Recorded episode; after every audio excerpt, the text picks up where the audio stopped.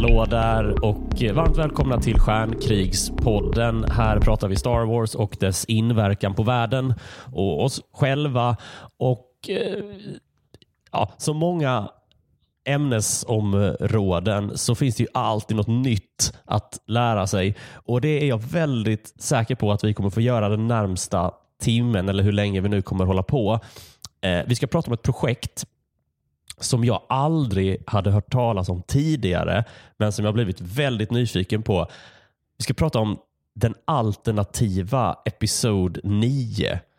Skywalker-sagan höll på att få ett annat slut än det den fick i filmen The Rise of Skywalker. Jag kände inte till det här.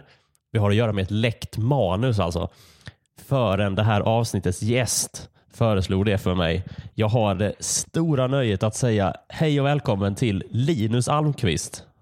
Hej och eh, tack så mycket. Det ska bli väldigt kul eh, det här ja, faktiskt. Det här känns stort för du är ju med och driver Rebellradion som är en svensk Star Wars-podd.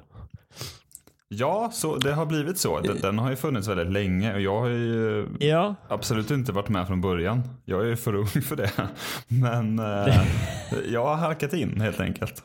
Ja, för det är en långkörare. Eh, jag ska ju vara transparent och säga att det känns eh, mäktigt för jag, jag, jag lyssnade lite på Rebellradion och eh, det, det vore helt omöjligt att säga att det inte var någon form av inspiration till Stjärnkrigspodden.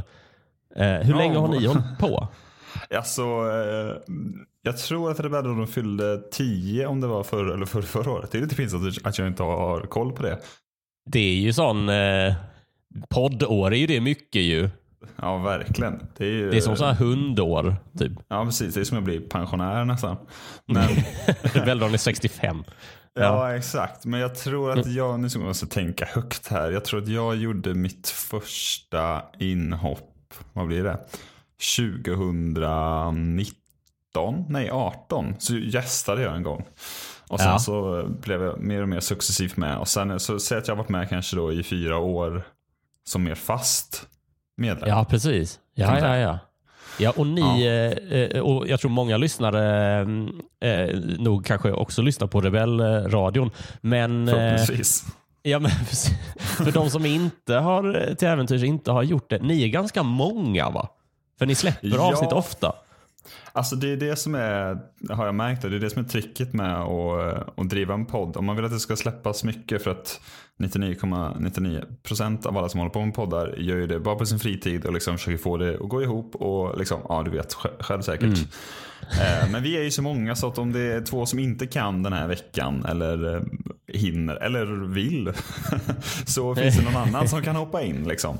Sen är det ju såklart att vissa är med mer än andra rent generellt. Jag, väl, jag och Robert är väl de som är med mest skulle jag tro och kanske drar till det mest. Mm. Eh, men sen så kan det ju vara Hanna en vecka, Fredrik en annan och Daniel den tredje.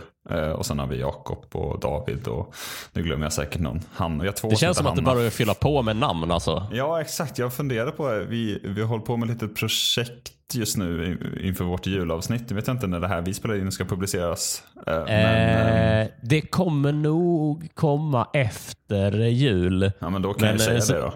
Ja, precis. Ja. Nej, men då, vi ska liksom utse den bästa Star Wars-filmen. Vi gjorde det för några år sedan, men då hade Episod 9 ännu inte kommit. Så då måste vi uppdatera den här jävla listan. Så, då tänkte vi att vi skulle samla in ah. liksom, listor från hela redaktionen och liksom, slå ihop dem. Så försökte jag räkna liksom, hur många röster blir det. Då tror jag att vi fick ah. upp att det skulle bli åtta eller nio röster. Liksom. Eh, ja, så ja, att vi är åtta, nio stycken. Lite beroende på hur man räknar tror jag. Det, det, då ni ju, det är så här statistiskt underlag. Ni skulle kunna ja, liksom uttala er för Star Wars fans världen över känns det som nästan. Ja, Robert det, har ju hållit på med podden så länge att hans eh, då små barn har ju typ blivit vuxna nu och är med i podden själva. Eh, så vi har, ju, vi har ju även den yngre. yngre liksom, det är liksom- jättebra ju. Det är ja, jättebra ju. Ja. Jättebra när vi ska utse olika, ja, vår enkätundersökning som vi kallar det helt enkelt. Vad är det man eh, då, liksom utöver den här, de här rangordningen, vad är det man som lyssnare får höra i Rebellradion? Alltså nu de sista åren har det väl blivit, dels sen då Skywalker-sagan tog slut så gjorde vi ett rejält tag i eh, filmerna. Alltså Star Wars-filmerna. För att jag tror att vi, kanske framförallt jag upplevde att man pratade mycket om Star Wars men, och hörde poddar till exempel. Som kanske den här, att då, då snackades det väldigt mycket. Men att man kanske hade lite dålig koll på filmerna. Där det satt sig en diskussion om filmerna som var sanningen. Men som kanske inte var själva filmen. Jag vet inte, det låter flummigt. Så att vi Ah. liksom tittade menar att- noga på dem. Ehm, Ah, och, det ja, tog ja. eh, över ett år tror jag. Liksom. Eh, Det blev flera delar och väldigt långa recensioner av filmen helt enkelt. Det kan man kolla på. Och sen så har det blivit Ja, mycket serier. Serier såklart. Det har kommit ett nytt avsnitt av The Mandalorian och så är det en snabb recension av det. Eh, och sen kommer det ett nytt nästa vecka. Liksom. Ni liksom grottar ner er liksom i varje bildruta låter det som ju. Ja, exakt. Det kan bli väldigt långt. Eh, Det blev också längre och längre. Så att jag tror att Solo, som, som då blev den sista. Vi tog Episod 1-9 först och sen tog vi Rogue One och, och Solo-filmen. Ja. Sen, den blev i tre delar tror jag. eh, Solo. Ja. Så att, eh, Men det, finns, ju mycket att titta på. Ja, Ja, ja, verkligen. precis. precis. Ja. Så det har varit väldigt kul. Och nu det sista halvåret när det inte hänt jättemycket. Eller vi började väl i somras egentligen. Eh, när det var liksom lite lucka. Det var också då som Indiana Jones kom ut. Så då tillät vi oss att göra en avstickare. För att Indiana Jones är ju typ Star Wars som vi uttryckte det. Just det. Eh, så, att, eh, så att vi ska också recensera nu. Den har ju kommit nu på Disney Plus här i dagarna. Så då tänkte vi att då är det dags Ja. att avsluta Indiana Jones-sagan också. Ja, just, det. Så då tog ni alla Indiana Jones-filmer bara för Ja, att? exakt. Bara för att. Så det är också Just varit en liten spin-off nu sista halvåret. Eh, Ja. Men, eh, så att vi gör lite vad vi känner för också. Det, det, det låter underbart. Jag måste också fråga, så att vad, ehm, eh, nu när vi liksom står i begrepp att göra en, vad ska en riktigt bra Star Wars podcast innehålla? Oj, oj, oj. Alltså jag... Det beror väl helt på vad man vill... Jättesvår fråga. Men det beror helt på vad man vill berätta eller vad man vill prata om. Eh, Du berättar ju här i ditt intro att det, liksom, och för alla som då lyssnar på den här podden så handlar det mycket om ens upplevelse av Star Wars och ja, vad var det du sa, inverkan på oss eller vad sa du? Eh, ja, eh, precis. In, in, Ja. Jag tror, vad sa jag? Inverkan på världen och oss Så själva. du ja. Ja, Lite som att precis. vi inte ingår i världen. Eh, vi ingår... Precis. Ja. kan man ha den Nej, men, också. eh, Precis. Nej, men eh, Ja. så jag tycker väl att det ska innehålla, det väldigt begrepp, eh, eller väldigt brett nu, men jag tycker att man ska, det är väl också lite i det jag sa om de här filmerna, men att man ska försöka vända lite på, på vad man tror sig veta om Star Wars och varför vi tror att Force Ghosts bara kan göra si eller så. Just till det, öppet sinne. Exakt. Det, Ja, det ja. tycker jag man ska ha med Star Wars faktiskt. Ja. ja, men det låter ju jättevettigt. Ja, men precis. Att, eh, eh, med Force, tänker du då att eh, så här, varför är, Anakin Hayden Christensen och inte Sebastian Shaw? I, Ja, till exempel det. Men ehm, det var ju en väldigt stor grej. Så fort det hände någonting som man typ inte hade sett innan när sequel-trilogin kom ut så var det så här.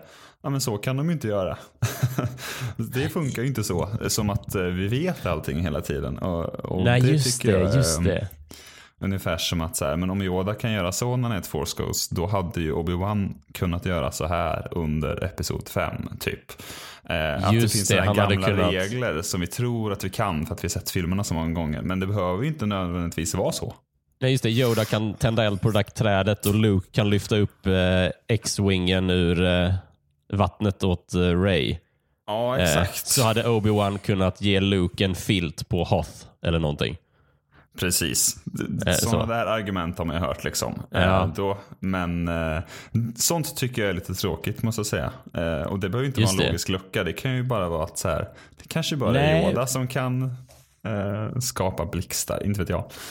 Precis. Eller så kan det vara bara en, en karakt alltså ett karaktärsdrag. Obi-Wan kanske mer är inte lika curlande som eh, Luke och Yoda. Exakt. Han är lite hårdare bara. Det ja. här får du läsa själv. Ja, nej. Nej men öppet sinne tycker jag är bra. Ja men precis. Ja, men det, det, det, det får vi väl ta med oss. Eh, Du märker att det är lite sån, eh, det känns lite som sån master eh, apprentice förhållande mellan Rebellradion och Stjärnkrigspodden.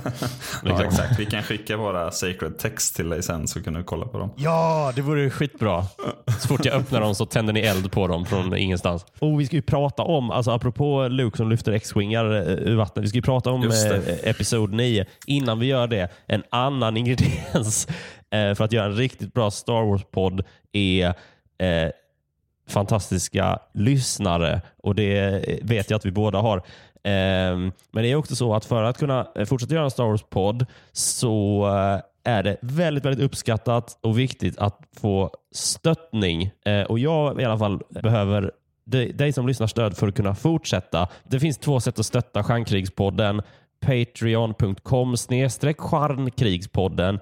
Det är ett ställe. Där kan man välja en summa som man donerar per avsnitt. Och Det är viktigt här att säga att det spelar ingen roll hur stor summan är. Det som spelar roll är att ni är många som hör det här. Så är det så att du gillar det du hör, gå in på Patreon, lägg en liten slant så blir det mycket lättare för mig att göra fler eh, avsnitt och bättre avsnitt. Sen kan man ju swisha naturligtvis. Och Det är samma sak där. Spelar ingen roll hur stor summan är. Det som spelar roll är att ni är många som hör det. Gillar du vad du lyssnar på så skicka en liten slant till 123 141 51 99. Ja, men ta, ta chansen. Det känns som en sån där dag när folk bara tar chansen och drar iväg en liten slant. Patreon.com snedstreck stjärnkrigspodden och swish till 123 141 51 99.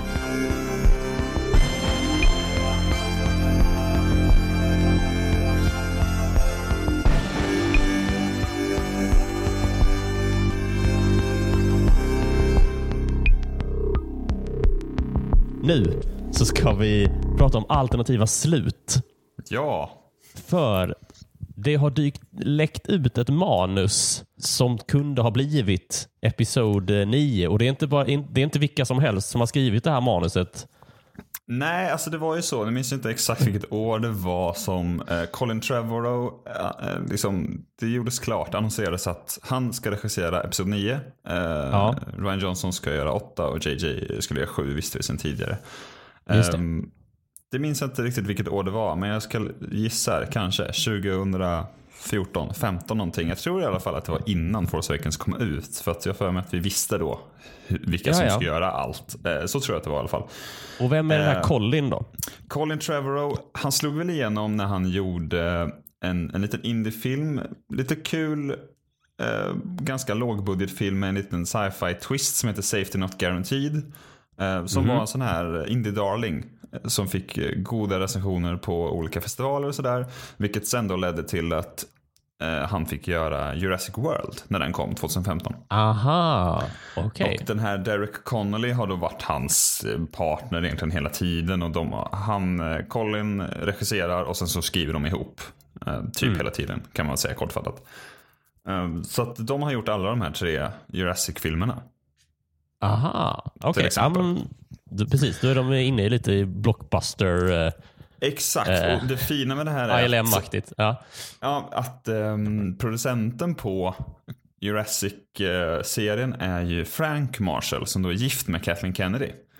Så det Just finns det. liksom en, eh, en koppling där. Så att man kan tänka sig vem som eh, kanske då tipsade eller rekommenderade Colin Trevorrow till, till Kathleen Kennedy. Det är Mm. väl säkert inte bara det, får man ju hoppas i alla fall. Men han fick det jobbet i alla fall.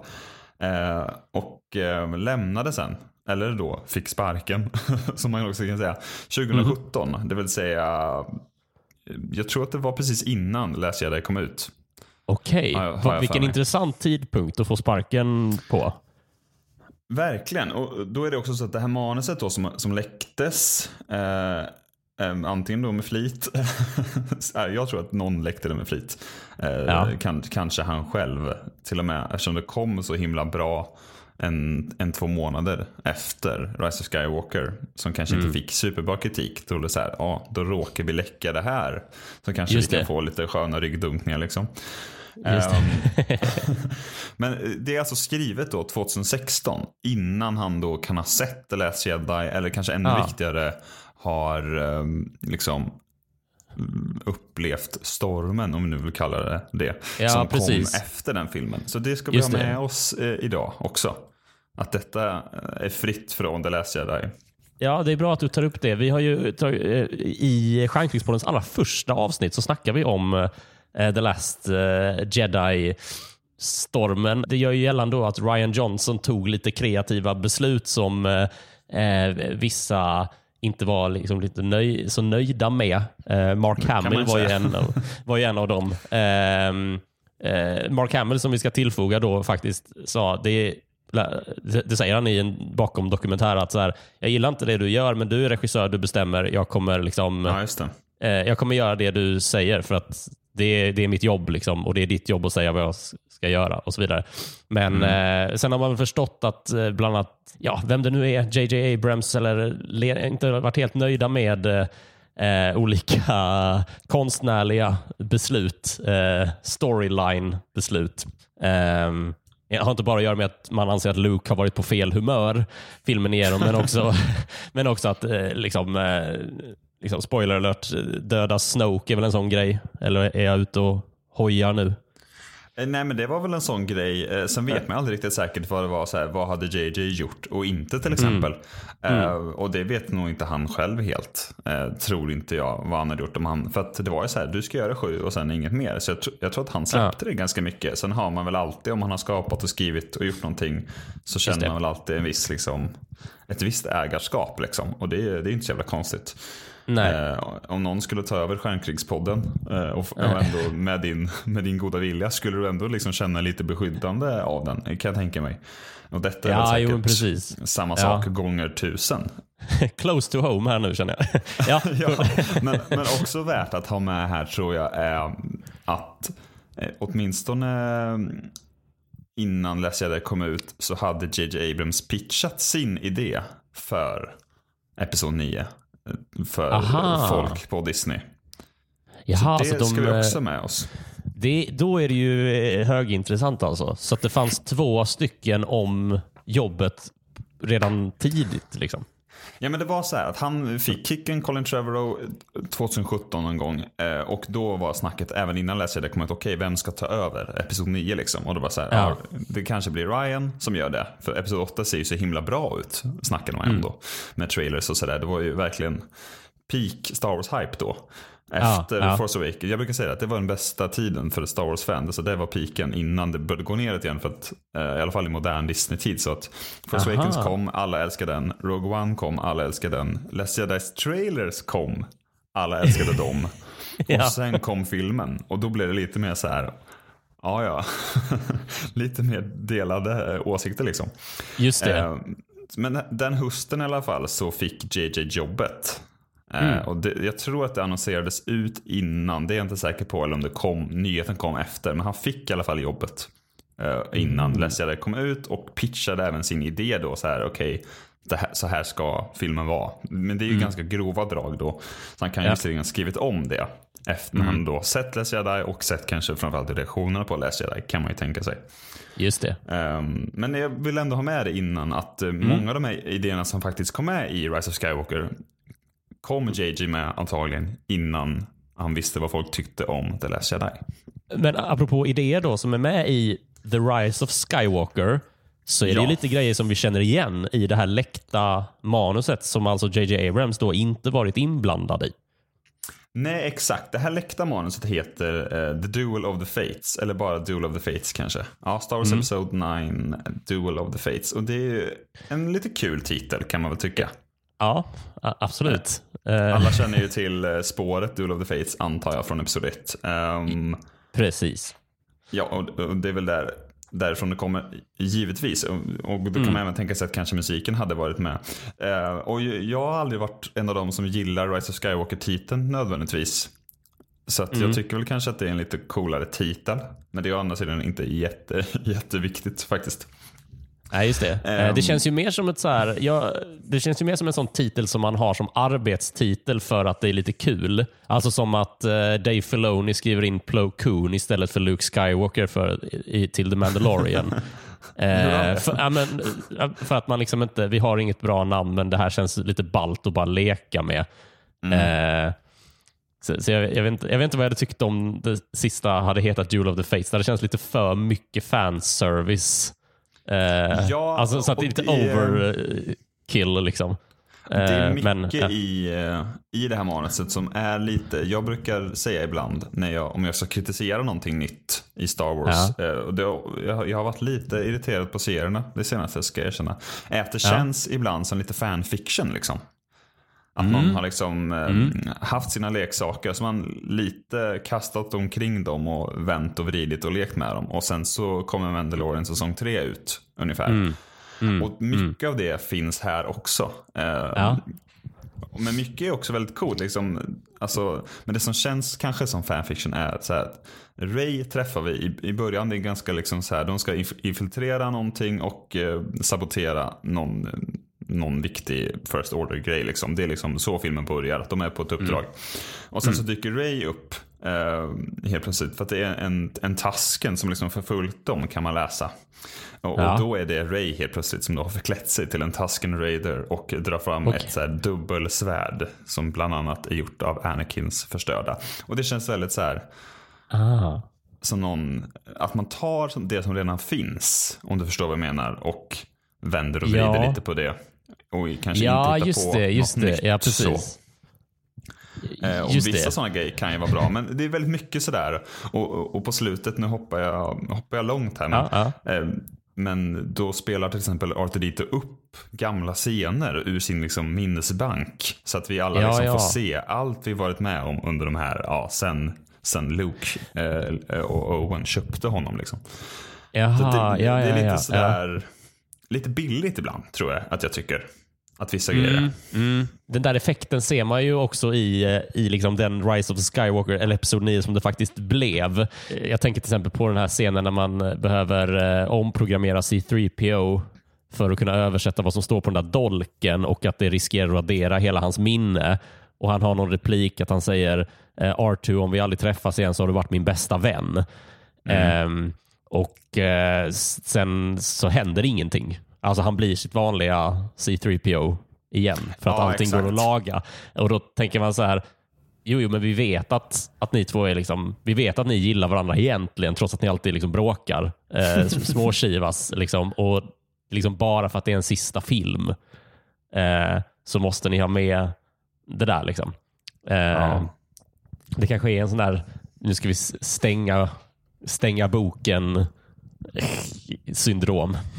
Ja, alltså Rise of Skywalker är ju väldigt sentimental. Framförallt Ja. andra halvan är så att nu ska vi verkligen säga farväl till alla en, en gång och alla ska få ett sista häftigt ögonblick. Eh, Rise of Sky, eller vad säger jag, Duel of the Fates är inte lika mycket så, men har vissa Ja. sådana extrema grejer som kommer. Eh, att på liksom C3PO och R2D2 spåret så under Ja. slutstriden då som utspelar sig på Coruscant, vi kommer till det Ja. så blir liksom Arthur skadad. Han blir liksom skjuten, han ska göra någonting och så, så här, slutar den fungera. Men Ja. de lyckas liksom ta honom därifrån och sen så liksom efter allt har lagt sig, de sista scenerna precis, så lagar de liksom Arthur Ja, ja. Och då är C3PO jätteorolig. Och så säger han så här, ja jag vet att vi alltid eh, bråkar och så, men eh, så här, But I, säger han typ. Och då, då avbryter Leia och säger I know. Som att han då var på väg att säga I love Ja, him ja, ja. ungefär. Just Ehm, det. Och det är väl både lite kul och lite för, lite för så här vinka mot publiken tycker jag. Mm, mm. Ja, ja, Men visst. den har sådana drag, absolut, den här filmen också. Eller det här manuset. Men då ska vi se, vart vill du att vi börjar? Ska vi redogöra för de Ja, men- stora skillnaderna? Alltså du som inte har läst då, vad, vad kanske undrar du? Finns det här kvar eller?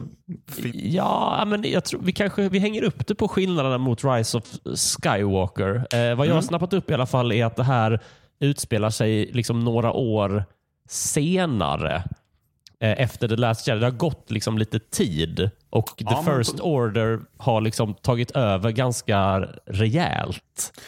På så vis så tror jag att det är, eller min uppfattning är, eh, efter att ha läst manuset, det, det är nog typ exakt samma som i Rise of Skywalker.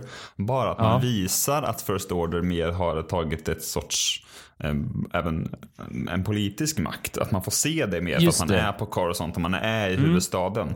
Det känns som Ja. att allt det där även finns eller pågår under Rise of Skywalker. Att vi, liksom, vi är inte där. Ja. Om du förstår vad jag menar. Nej, jag är helt, ja men precis. Eh, jättebra. För då, då, det ska, vi ta oss, ska vi ta oss till Coruscant eh, då? För det var en grej som jag tyckte var, som jag tänkte, ja men fan vad fett.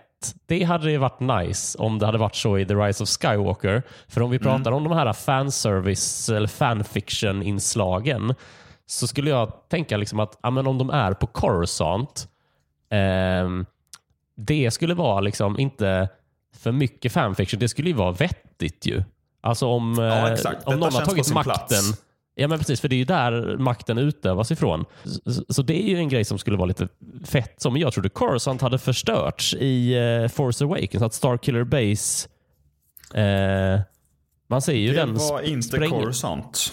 Nej, utan det är någon annan. Det var Hosnian Prime hette det systemet som då var nya republikens huvudstad då. Eller huvudstadssystem Ah. eller vad man nu vill kalla det. Det, var, det är ett gäng planeter så att säga. Just det. Eh. Ja, för jag tänker ju bara att det är en sån här... äh, Ja, men det, det stämmer, för jag, jag känner igen att man, det finns med i en replik. Men äh, att den här Starkiller laserstrålen delas ju upp i flera. Och så ser Mm, man okej. olika planeter sprängas. Så det är, nog det, det är nog det jag har fått den idén ifrån. Eh, ja, okej. Mm. Men här så står det uttryckligen i manuset att, att det, liksom, det nya då som kallas för First Order Capital, att det liksom är byggt ovanpå eh, Ah. Old Republic-delarna så att säga.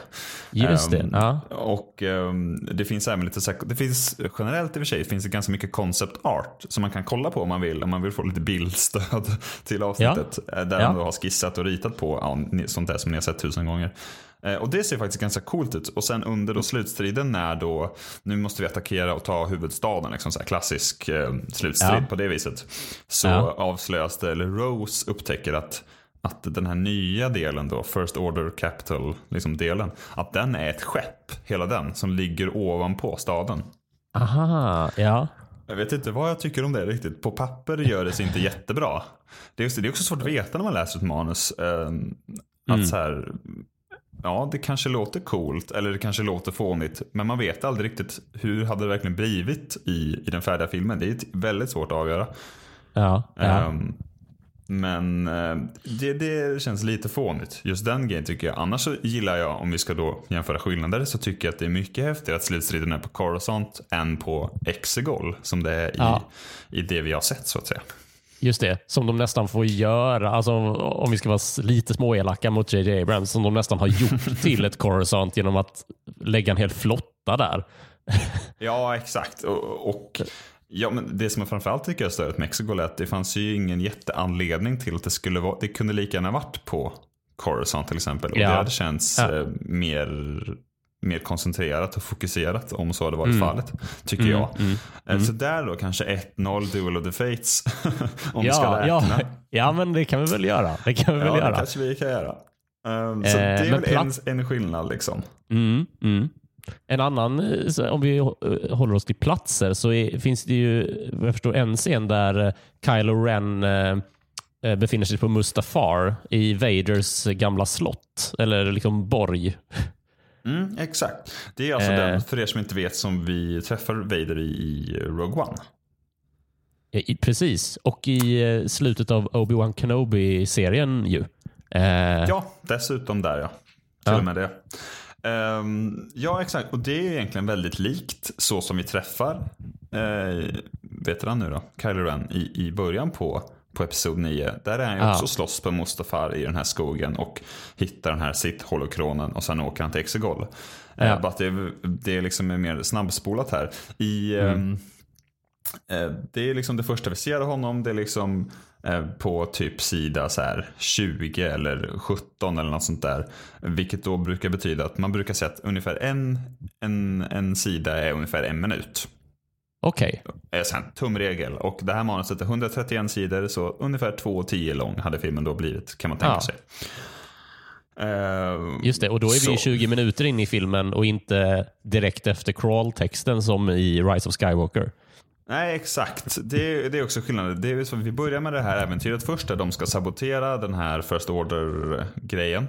Ja. Och sen så eh, träffar vi Kylo Ren. Liksom. Så att eh, det är lite som tvärtom mot Force Awakens där vi först är med Kylo Ren och Finn och sen träffar vi Ray. Här blir det lite tvärtom. Liksom. Mm. Eh, Men där då, då hittar han det här, ehm, eh, det här Sith-holokronen och Mm. eh, pratar med Lukes spöke hela tiden. Så Lukes spöke Ah. är väldigt närvarande och nästan så här jävlas med Kylo Ren. Och liksom retas med honom och Just säger det. du borde göra så, du borde göra si. Och här i början så uppmanar honom typ så här, åk hem till Leia, skit i det här liksom. Just det. ja, Ehm. men som en sån, det är ju det är rätt coolt att tänka sig om, för, eh, om man tänker på eh, en av de sista scenerna i The Last Jedi. Sista, Mm. Det sista Luke säger till Kylo Ren, eller Lukes spöke säger till Kylo Ren efter deras liksom, fandom-duell är ju “See you around kid”. See around kid, ja precis. Eh, och, no, no och- one's ever really gone och allt det där liksom. Just det, just det. Ja. Han är med generellt mycket. Jag kanske kan ta Luke direkt. Han är med generellt Ja. mycket mer. Ja. I Rise of Skywalker är det väl i princip en scen kan man väl säga. På Eh, eh, ja, Ahch precis. Eller hur? Ja, ja, visst. Och sen så en liten flashback och sådär. Och sen så dyker han upp igen det sista som händer på Tatooine där med Leia liksom. Men här liksom tittar han in då och då och är den som istället för Leia som det är i episod, eh, episod 9 eh, tränar Ray. Mm, ja, ja, ja, som Forced Ghost, ja. Just det. Ja, exakt. Att han Ja. talar till henne liksom. Eh, ja, ni kan tänka er. Ja, att, eh, han har en mycket större roll och Leia har faktiskt en ganska liten och obetydlig roll. Jag kan komma in på henne mer senare. Det ska man då eh, också ha i åtanke att det här skrevs faktiskt då innan Carrie Fisher gick bort. Ja, just det. Hon Precis. gick ju bort i mellandagarna 2016 och det här, liksom, Yes. det här eh, utkastet kom då under 2016 någon gång, eller skrevs klart Mm. då. Eh, Så det, det är väl kanske en, en, en negativ åsikt jag har om det här med så att Leia typ inte har så mycket att göra. Men ehm, Just det. jag vet inte, vi kommer till det kanske.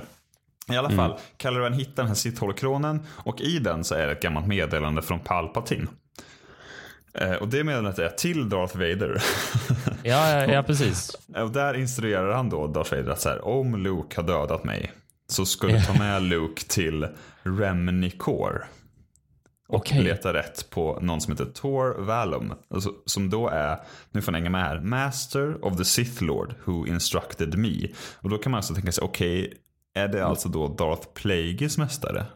Låter det som. Ja, ja, just det. Ja. Okej, och där skulle liksom Luke då kunna harness the power of Mortis. Och det kanske inte säger biopubliken någonting, men eh, för de som har sett Clone Wars så minns de kanske den här planeten Mortis som är väldigt spacad. Eh, den utspelar sig nästan i någon sorts Just parallell det. verklighet, eller vad man ska säga. Det, det jag, med- kan, jag kan inte förklara det alls. Nej, men det är väl där den här fadern och sonen och dottern. eh, Exakt. Just det. Och Anakin alla och, Obi-Wan. dör Och, ju. ja, precis. precis. Ja, nej, det där är, det där är ju lite... eh, det där, det, jag håller med dig. Det där är svårt att förklara. Men det verkar vara någon slags ursprungskälla till kraften. Ja, Liksom. precis. Så kan man nog säga. Och Ja. ehm, Det här meddelandet exploderar då när det upptäcker att det är inte Darth Vader som meddelandet ges till. Och Kylo Ren, liksom, hans Ah. ansikte blir helt eh, uppfackat på ren Ah. svenska. Liksom. Just det. Ehm, mm. det men han alltså, jag gillar ju åka. vad jag hör hela tiden. ja. Ja. Ja. Då ska han åka till Remnicor och leta rätt på den här Tor Valum och det blir då Kylo Rens liksom, uppdrag. Så.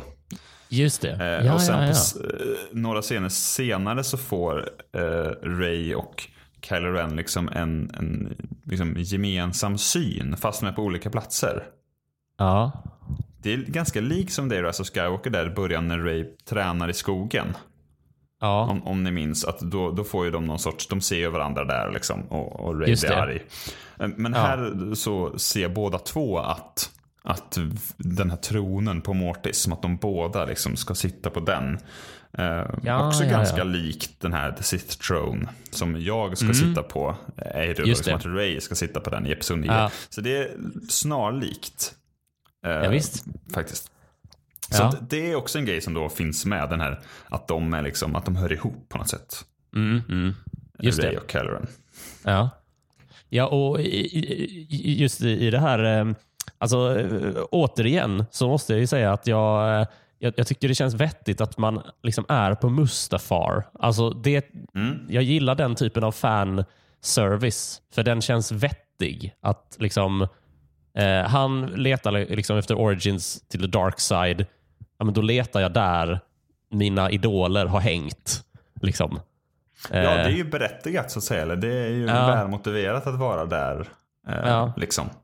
Precis, och att han då liksom ska få, ja men du ska, och det här meddelandet till Vader, det, sånt känns ju, det känns ju lite coolt. Eh, liksom. så här, men åk till den här planeten så ska du få, jag vet inte vad han ska få där, ska han få höra legenden om Darth Plagueis device kanske? Eller något. och då ja, kommer han, alltså, det finns ju såklart en Lars, vi kanske kan hoppa till det direkt. För det här är någonting då, för er som kanske inte har of Skywalker så jättetätt eh, i bakfickan. Eller vad säger man? Tätt i bakfickan säger man ju absolut inte. Men som minns den så jätteväl. close så, to heart. Exakt. Top of så mind. finns ju inte den här Tor Valum överhuvudtaget.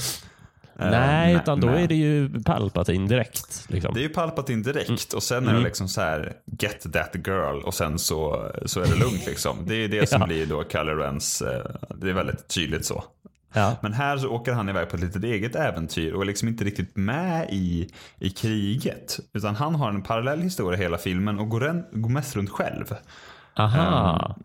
Så att han är ganska liksom, vad ska man säga, inte liksom bortkopplad. Jo men lite bortkopplad från ja, resten av storyn och blir egentligen mest relevant på slutet igen. När då Ah. vi ska ha the, the duel of the fates så att säga. Mhm. Men annars så går han mest runt själv och så är han då på, nu snabbspolar vi ordentligt här, men han åker till den här Remnicor eller vad det hette och träffar då den här Tor Valum som beskrivs som en 7000 år gammal eh, alien eller någon, av någon sorts okänd art liksom. Okej, lite Sithernas Yoda liksom. Verkligen, det här är Ja. Dagobah-scenerna från Episod 5 fast Ja. Ja. på den mörka sidan. Det är Just det, just det. verkligen så. Och även, han är, han är någon sorts konstig också. Han, han, han reser sig på armarna, eller det så här, han går konstigt. Det beskrivs inte så jättenoggrant. Men Mhm, eh, han, mm. han liksom går inte på två ben som, som, som du och jag, eller Kylo Ren. Utan han är, någon, han är verkligen en, en konstig alien liksom. Mm. Ehm, men och han då, eh, mycket riktigt är det så att det var han som instruerade Darth Plagueis och visade honom, lärde honom hur man då kan ta liv. Hela den där grejen från Episod 3, apropå att koppla tillbaka till saker som vi redan Just det. har. Ja, Så att säga. just det. Ja. Dark, dark side of the force is a pathway to many abilities. Some consider to be unnatural. Liksom. Exakt. Den repliken sägs tyvärr inte ut i det här manuset. Det tyckte jag var ganska snyggt gjort Nej. i, i Rise of Skywalker Ja, faktiskt. det håller jag med om. Eh, och, nu kommer, och vet du varför? För det är vettigt. För det makes sense. Ja, Eh, och det är liksom. inte så uppenbar fanservice. Det smälter liksom Nej, in. nej. Vet man det inte så är det bara vanlig dialog. Men vet man det så blir det lite coolare. Mm, mm. Eh, så. Men eh, han tränas då med honom och så går han också då mycket riktigt ner i en grotta såklart. Precis Ja. som, eh, gissa vem han slåss mot där. Ja, eh, Darth Vader. Helt rätt. Vi Helt har någon rätt. slags spegling av vad som händer med Luke på, eh, hos Yoda i Empire Strikes Back. Kan vi Ja, för det är skull exakt säga. samma. Tills det att då eh, hela den här sekvensen, den här delen av historien slutar med att- att Kylo Ren liksom suger livet ur Tor Valum och dödar honom. Ah, Eh, okej. Och då börjar även det. hans ansikte läka. Så det blir någon sorts, ungefär tvärtom som när Ray ger sin livskraft. Liksom, Just det, den till den där ormen, ja. Ja. Mm. ja och, till, och till Kylo Ren också. Eh, Det här är någon sorts inverterad då, variant av det. Ja. Eh, Just det. Och, och det tycker inte jag, på pappret när man läser det manuset så tycker jag att det verkar ganska töntigt. Måste jag säga. Det blir som att han... Mm. Nej jag vet inte, det kanske bara är dåligt beskrivet och det kanske hade sett skitcoolt ut. Men, Just det. Ja. men som jag tycker det, det här är ju, nu får ni ju bara höra mina åsikter. Men det här finns ju så att ni kan läsa det själva givetvis. Jag tycker Mm. att detta, eh, hela den här Tor Valum-grejen Mm. är ganska dålig om jag ska vara riktigt ärlig. Just Ja, också att alltså- den känns så frikopplad från resten av filmen. Mm. Ja, men precis. Alltså det, det gäller ju verkligen att den sekvensen, om vi föreställer oss att det hade blivit ett verkligt filmprojekt, Mm. att den sekvensen måste ju fungera. Liksom. Alltså, I. Empire Strikes Back så var det ju så här, om inte Yoda-dockan funkar om inte folk köper den, då är vi helt fucked. För att han har liksom typ 20 minuters dialog där han pratar om filosofi. Liksom. Eh, och Exakt. om inte det funkar så kommer, liksom ing, så kommer det vara helt omöjligt. Och den, den risken finns ju här också. Eh, och de, de har ju dessutom det här att spela mot att folk som har sett Empire Strikes Back, vilket många har, eh, eh, kommer ju alltid jämföra de två scenerna. Liksom. Precis som man Det är en jämför... uppenbar, eh, verkligen en uppenbar spegling. Liksom. Precis, alltså, precis som man jämför liksom Battle of Hoth med Battle of um, Crate. Eh, liksom för att det ser visuellt ungefär likadant ut. Eh, och sådär. Eh, Och Sen så tänker jag också att man tappar ju dynamik om Kylo Ren är någon annanstans hela tiden. Ja, alltså, det, verkligen. Eh. Det tycker jag är en av behållningarna med både Last Jedi och Rise of Skywalker. Alltså det som verkligen är hjärtat i, i filmen är ju Ray och Kylos liksom eviga tampande. Liksom. Eh, Eller vad man ska säga. Och när han liksom försvinner bort från filmen, visst, det så här, de känner av varandra ibland och när, eh, när, när Kylo Ren liksom får mer livskraft på det här viset så, så, liksom, så känner Ray vid något tillfälle av det som att så här, åh, han, han blir starkare. Ungefär som när alla dör på Alderaan så känner Obi-Wan Ja, av det. att det händer något i kraften. Ungefär så känner även eh, ja, ja. Ray av det. Men de liksom träffas inte förrän på slutet. Och det tycker jag, det tycker jag verkligen är poäng Rise of Skywalker. För det tycker jag är det bästa med den filmen. Att de träffas flera gånger, de pratar, de slåss. Och liksom, de nöter på varandra under hela Ja. filmen. Ja, visst. visst. Eh, eh, ja, ja, men det, det är väldigt, eh, väldigt bra beskrivet att de nöter på varandra. Eh, och det, är någonting som det känns som att det krävs. Eller krävs ska jag inte säga, men, eh, men eh, det, det är något som filmiskt ofta fungerar. Liksom. Om man jämför med Empire Strikes Back, liksom, så även om eh, eh, Luke och Darth Vader träffas ju inte förrän i slutet av filmen. Men Luke känner ju att Darth Vader träffar hans kompisar eh, och plågar dem. Ehm, och, och där eh, då får man ju det. För Vader är ju inte ute på något eget quest på andra sidan Nej, universum.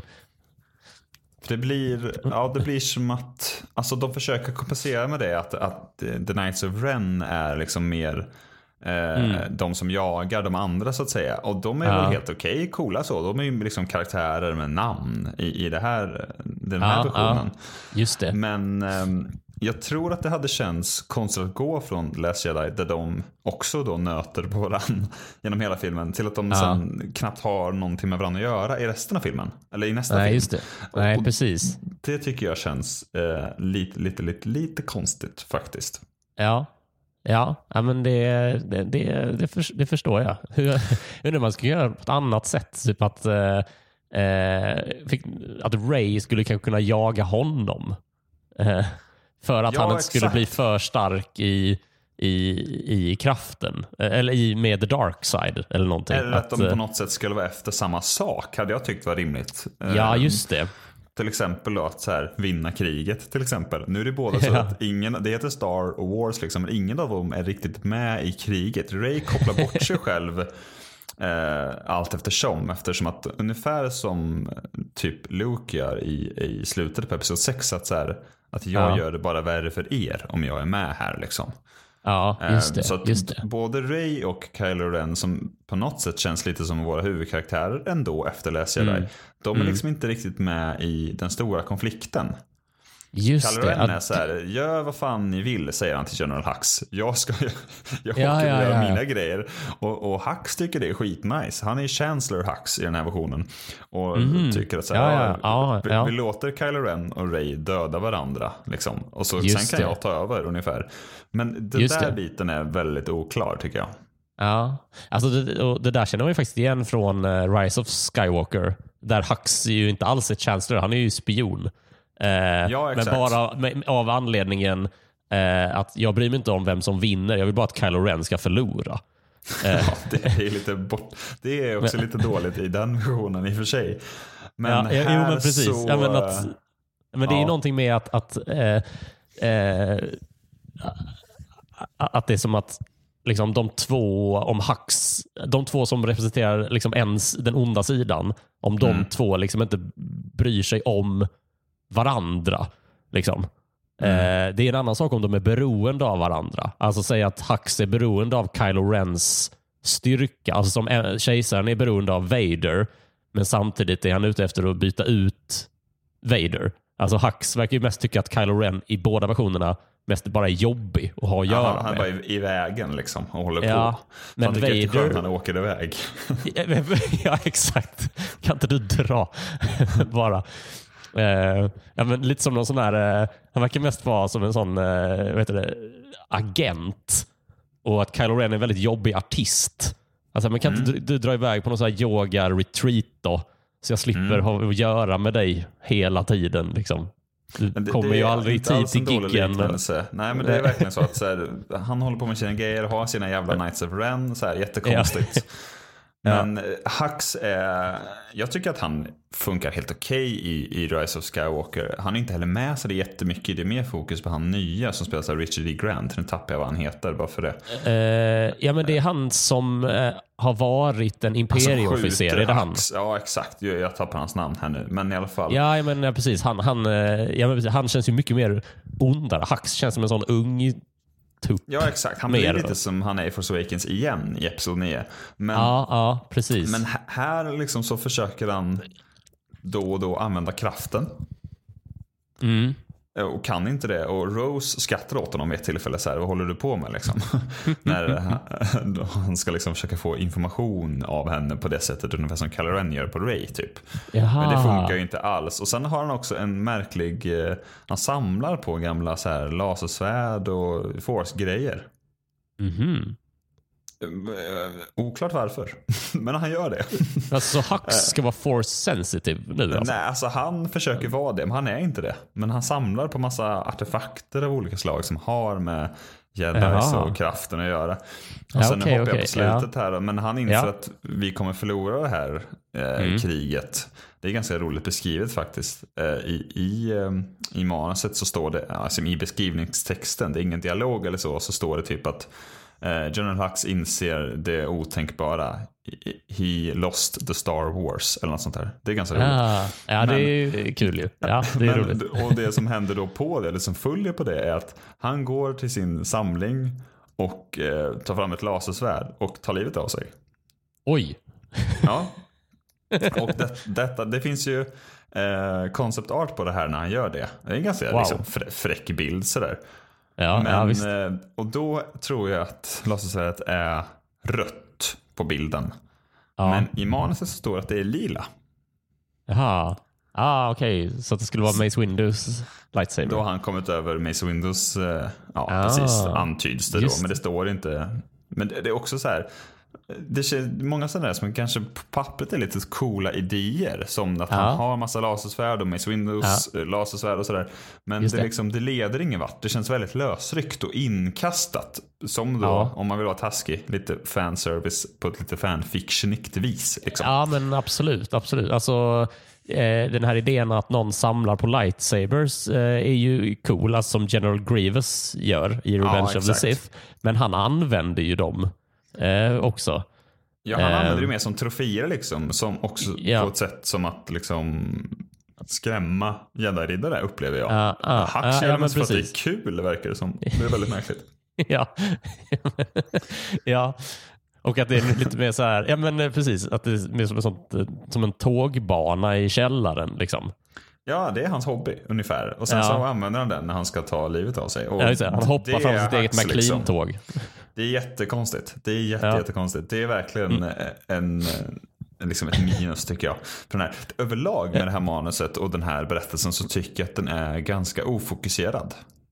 Mm. Det är lite sådär, vad gör de, vart ska de? Liksom, det finns ingen tydlig så här, riktig motor eller något som driver på storyn. Om man ska, det uppenbara i Episod 4 är ju dödsstjärnan kommer spränga skiten ur oss. Liksom. Ja, ja. och sen så måste de visst. stoppa det på olika sätt genom hela filmen. Här är det liksom lite luddigt. Just det, det, ja precis. Finns det något eh, konkret eh, hot? Liksom? Alltså vad kommer First Order göra på Coruscant? Kommer de bygga fler hus? Eller vad, Nej, vad, är, det de, vad är det man det måste stoppa? Det, det är just det. I, i Rise of Skywalker så det var ju många som tyckte att det var fånigt för att det var så himla extremt. Det var typ så här, om 16 timmar så spränger de allt. Var ju typ så här, vi måste Ja. in oss som fan. Men det Ja. är åtminstone väldigt tydligt och det, eh, liksom, det skapar en, en, liksom, en framåtrörelse och eh, Absolut. Liksom, det händer grejer om man har 16 timmar på sig att rädda galaxen. Mm. Liksom. Här är det lite så här, men vad ska vi göra? Ja, men vi måste ju försöka få med folk på, liksom, för våran sak. Så där. Ja. Resistance liksom. Just det. Eh, Så att en ganska stor del av historien på mitten går ut på att de delar upp det liksom i grupper. Att Rose och Finn eh, åker iväg. Rose är med ganska mycket. Hon är liksom en i gänget så. Just det. Som ja. Lando i Return of the Jedi eller någonting. Han, Ja. eh, som, han är liksom med och det är Rose också. De ska liksom åka till Coruscant, eh, liksom smyga ner där på något sätt. Och om jag fattar rätt så ska de in i det gamla Jedi-templet och liksom trycka på någon knapp. Eh, Ja. Och då liksom sända ut något meddelande över hela galaxen där Leia säger nu får det vara bra med det här. Liksom. Nu måste ni hjälpa oss och ja, Ja, döda ja, ja. fascisterna. Liksom. Och det är, det är en ganska cool, det mynnar ut en ganska cool grej. Just den här scenen när Mm. meddelandet sprids, är liksom ett hologram på Leia som pratar. Ungefär Just det. som eh, hon, eh, jag tappar alla namn här, hon äldre damen i Andor. Liksom, hon har ett stort meddelande, där på Ja, slutet. just det. Andors Men det morsa liksom- där. Jag kommer inte ihåg vad hon heter precis. heller. Men, Nej, ja. men det är ja, över men hela det galaxen cool nu på grej. massa planeter. Just Alltså, det. beskrivs Ja. det ungefär som i är det i sagan om de två tornen eller sagan om konståt komst när de som tänder de här jävla Tänder eldarna, liksom? vårdkasarna ja. ja. Ja, exakt. Det är Return Vilken of the King. är det? Eh, Det är konungens King. återkomst. Ja. And Rohan shall answer. Är det, är det samma scen? ja, exakt. Ja. Det är lite som... Viggo Mortensen springer runt och skriker Rebecca sa det! Rebecca sa det! Exakt. Det är lite som den fast på Ja. fast liksom planet till planet liksom. Och, och så Ja. får man se Men massa det- olika så- planeter. Ja men och sånt är ju coolt liksom. Att det, Det är sån faktiskt här... väldigt coolt. Det, det, Jag gillar att det är från verkligen- Jedi-templet alltså på något sätt. Ja, det är Eh, snyggt. Det känns också relevant att vara där på något vis. Om vi ändå Ja. Mm, ska vara på Coruscant. Det är faktiskt väldigt snyggt. Och, och, och som jag sa då, det här lilla äventyret i äventyren så att säga. Det Mm, slutar i den här coola grejen. Men innan tycker jag att det har varit ganska tråkigt med Rose och Finn. Det är väldigt mycket så här som även of Skywalker lider av lite för mycket. Att det är liksom från den ena liksom ledtråden till nästa. Det är liksom lite för mycket Indiana Jones av det. Just det. Ja, det är precis att de hittar den där dolken och det står exakt. något på den. Och, ja, precis. Ja, så är ja, även precis. här. Någon har en ledtråd och någon känner någon som kan hjälpa någon och så vidare. Eh, Sådär. Och det är lite för mycket sånt här. Alltså, jag tycker Star Wars eh, handlar, det är som mytologiskt berättande. Det är Obi-Wan Ja. Kenobi som dyker upp från ingenstans och berättar att du ska åka dit. Här är det liksom att de hittar någon Ja. pryl. Och det är inte riktigt lika nice, tycker inte jag då, i alla fall. Men det tycker Nej men, olika. eh, nej, men eh, jag förstår vad du menar. Och du sätter verkligen fingret på något som, eh, apropå det vi pratade om i början, att titta på filmerna ordentligt eh, och se vad de faktiskt är, som ni gör i Rebellradion. Mm. Eh, det är en, eh, faktiskt en, en dimension som skiljer ut Rise of Skywalker ganska mycket från de andra. Att det hela tiden är det här ledtrådsletandet. Det är som hitta grejen, Eh. lägga pusslet, mysteriet, vem var Ochi, bla bla bla liksom. Ja, precis, precis. Och det blir ju väldigt, det blir en stor kontrast mot The Last Jedi där det verkligen är mytologiskt. Att de, liksom, de har Ja. någon sorts koppling. Det är verkligen, det är inte så mycket, det är inte så många McGuffins. Det är lite mer så med, med Rose och Finns historia. Att de ska ha den här grejen och någon ska hjälpa dem. Den, den har ju det Mm. på den sidan. Det är också kanske där, därför den filmen delvis känns lite som två olika filmer ihopsmackade liksom. Mm. Ja, Eh, Men ja, det, det blir en ganska stor kontrast tycker jag till, till tidigare filmer. Men det är ju också bara tyck och smak. Jag tycker att det är, det är för mycket sånt. I originalfilmen så har det, det är liksom en sån grej. Mm. Vi har de här ritningarna och det är det. Och sen Ja. så, eh, Ja. men här är det massa sådana grejer. Liksom. Ja, Någon, ja. de som ska, någon ska iväg tryck på den knappen så att han kan göra så och så då kan hon göra så. Och Ja, då blir det så här. men- Alltså det är lite för mycket sånt. jag, jag, är med, jag är med dig i den, eh, i den, i den tanken. Liksom. För att eh, oavsett hur man tar sig framåt genom filmen så känns ju Star Wars väldigt mycket som att man, jag, jag vet inte, man är liksom mer jagad än sökande. Eh, jag fattar vad du menar. Ja, nu uttrycker jag mig lite flummigt, men jag tänker Nej, jag lite så vad du på. Ja, men tänk lite på Empire Strikes Back till exempel. Att mycket av Han och Leias och Chewies story är mest att de är jagade och ska gömma sig från imperiet hela tiden. Och det ligger ju Eh. liksom i underdog-naturen som finns i Star Wars också. Att Ja, men precis. man tiden precis. måste fly lite. Liksom. Att, att Ja. de kan ta oss när som helst. Och det finns inte riktigt i den här, i den här filmen heller förrän lite på slutet. Den känner man Mm, väldigt av i Rise of Skywalker. Att så här, de ska ut på ett omöjligt uppdrag. Alltså en underdog. Ja, ja. Och det är Just i alla fall det. en dimension av Star Wars som jag tycker är ganska central. Att liksom, Mm. Absolut. Ja, men att någon ska- har fått en, en ehm, eh, någon, någon liksom har fått en in, eh, eh, känt en, en, ett kall. Liksom. Att, Ja, liksom, exakt. men, och eh, trots jag- att det är jag- omöjligt så måste vi. Ja, ja precis. precis. Att, eh, ja, men vi måste ju åka dit. Vi löser det på något sätt. Liksom. Ja, och så har du exakt. C3PO i bakgrunden som säger men det är helt omöjligt. Så här, ja, men håll käften och åk med ändå. Då. Eh, Liksom. Ja, Alltså, exakt. det- Och detta dras ju till Ja. sin spets i Rogue One. Där det verkligen är så. Att detta är Mm. helt omöjligt. Men vi löser det liksom. eh, Ja. Till ett stort eller dyrt pris. Eh, Ja, och det precis. finns Och- inte riktigt i den här filmen alls. Nej, precis. Nej, nej. men jag, jag, jag köper det för att det, det här det kanske är för att det inte finns något kännbart hot. Liksom. Nej, det, Eh, det, är liksom, det är lite oklart vad filmen, vart är vi på väg kände jag lite när, vi, när jag läste ungefär halvvägs. Vart Mm. ska vi ungefär? Och sen så händer det här, den får liksom lite ny fart eh, ungefär vid mittpunkten av filmen. Alltså sida, jag tror det var sida 65 Ja. kanske, alltså ungefär mitt i filmen då. Ja. När då de skickar det här meddelandet och sen så ganska snart in på det, nu ska jag kolla så här så att jag minns rätt bara. Mm. Så, eh, så liksom träffar, ja precis, ungefär tio minuter senare så är det en ganska, i och för sig en ganska bisarr scen Ja. i sig. Men som ändå Ja. leder in på något ganska coolt. Det är en Finn som många då kanske tyckte hade en något marginaliserad roll i Rise of Skywalker. Mm. Han leder ju här någon sorts stormtrooper-uppror. ja, ja, ja. Han, i, I början av det här första uppdraget så, så liksom är det någon, eh, någon gammal stormtrooper-kompis som han upptäcker som är på väg att dö. Liksom, som han minns från träningen liksom, när de gör Mm. den här infiltrationen. Och sen så träffar han på någon till ehm, som han då lyckas banka lite vett i bara. Ja, här, ja, ja, De tvingar er att göra det här men det är inte rätt. Säger han typ i en scen. Och sen så är hans liv förändrat efter den scenen. Den här andra stormtroopern då. Ganska konst, alltså det går väldigt fort. ja just Men det. det leder till Ja. något som är ganska häftigt och det är ju då att många stormtroopers vänder sig. Alltså att de, ja, de gör sig Ah. fin helt enkelt kan man väl säga. Just Så att det. han ja. leder liksom en eh, massa deserterade stormtroopers i en armé på slutet i slaget. Och det är ganska nice. Det tycker jag verkligen är ett plus för den här filmen. Ja, men det är Att ju- Finn får mer utrymme. Ja, ja, men precis. Och det är också en rolig idé. Eh, Exakt. Och en väldigt välbehövlig styrka för liksom, re rebell, eller resistance som alltid är outnumbered. Ja, de behöver ju en armé. Efter Last. Jedi framförallt. Ja, det, det är något som hade varit kul att, att, att, se. För, för det, det, det har han ju typ. Alltså Rise of Skywalker, eh, där träffar han ju på hon eh, Jana som, Mm, eh, som är en deserterad stormtrooper. Som han inte behöver omvända. Men eh, de har liksom inte tagit någon eh, sida. De är så bara på, av det.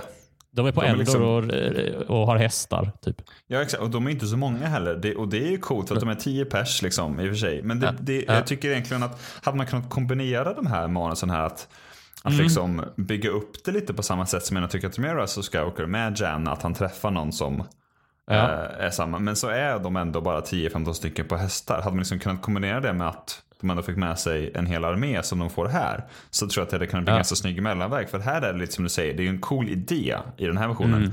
Men det är inte så liksom det är inte så väl utfört. Alltså, jag, jag tycker att det Nej, kommer hastigt precis. och liksom, man hade kunnat bygga det mer på något vis. Eller ladda det mer liksom. Men jag Mm, gillar verkligen idén. Ja.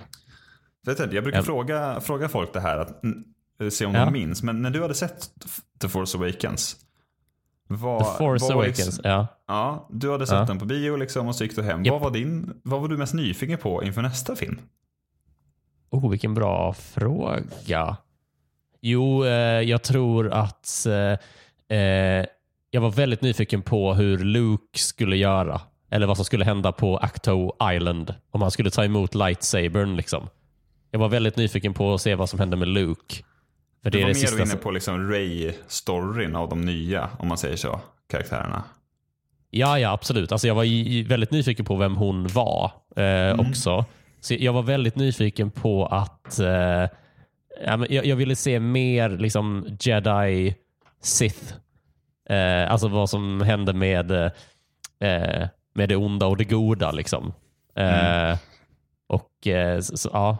Jag, jag, jag hade, ville väldigt gärna se eh, Luke komma tillbaka i någon slags lightsaber eh, duell och det fick jag ju faktiskt i Last Jedi. Ja, det På fick du faktiskt. Paranormalt plan. Det här var, ju- jag var ju såklart väldigt Ja, men det var jag väldigt nöjd med. Också. Ja. Eh, Men jag minns att jag hade en helt annan upplevelse. När filmen tog slut och liksom Mm. det jag funderade på när jag gick hem typ. Det var ju så här, fan vad grymt det kommer bli i nästa film när Finn får träffa sin familj igen och han som söker upp dem och, och Mm. liksom att jag var väldigt nyfiken på Finn. Tills jag liksom Ja. vad alla andra var nyfikna på. Då började jag också tänka på Ray. Liksom, så här, ja, det kanske var det som var grejen. Att jag liksom har fattat fel.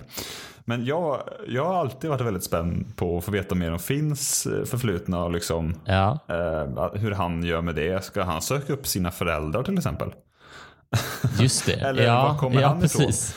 Ja, och eh, just då var jag lite nöjd att jag fick lite av det i den här filmen. Eller den här versionen i alla fall. Att han, Mm, Att han gör lite mer med, med det han liksom har gjort i Episod 7 på något vis. Om du förstår vad jag menar. Mm, ja, ja, absolut. Eh, för att han...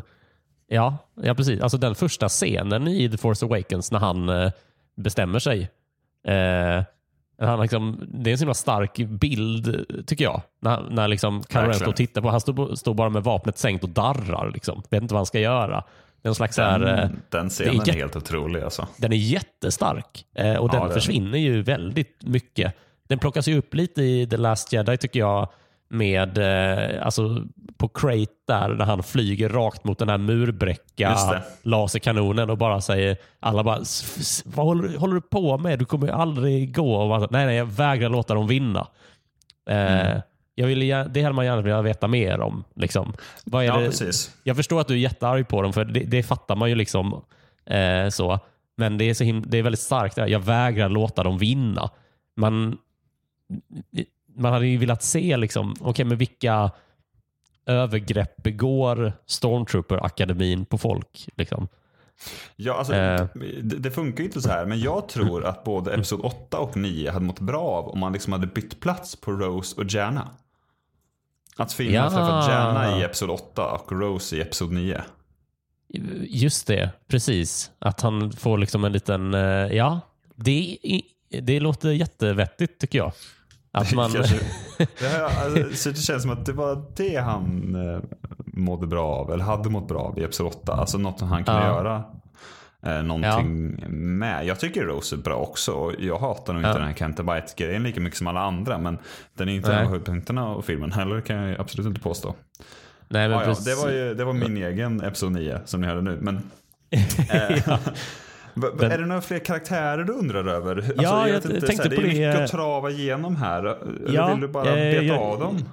Ja, alltså jag tänkte, jag funderade på, eftersom vi pratade om Kylo Ren eh, innan. Just det. Han har Eh, skägg så- i den här. Okej, ja, men då köper jag det. Eh, nej, men jag funderade på, han är ute på sitt quest. Eh, Mm. jag, vad håller Ray på med då? Ray, eh, det är ju en jättebra fråga. Vad fan håller Ray på med? Det är lite det jag menar med att den inte har någon riktig, riktig koppling. Sådär. Hon hänger med i första halvan av filmen ungefär. Så är ju hon med ehm, lite drygt halva filmen ungefär. Sen så drar hon.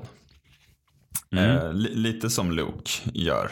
Eh, Som jag sa. Ah, Eh, okej. Men hon är med, de har delat upp då som jag sa, Rose och Finn gör sin grej och sen är det då ehm, Poe, Ray och Chewie som är iväg på en annan del av uppdraget liksom för att allt ska funka så.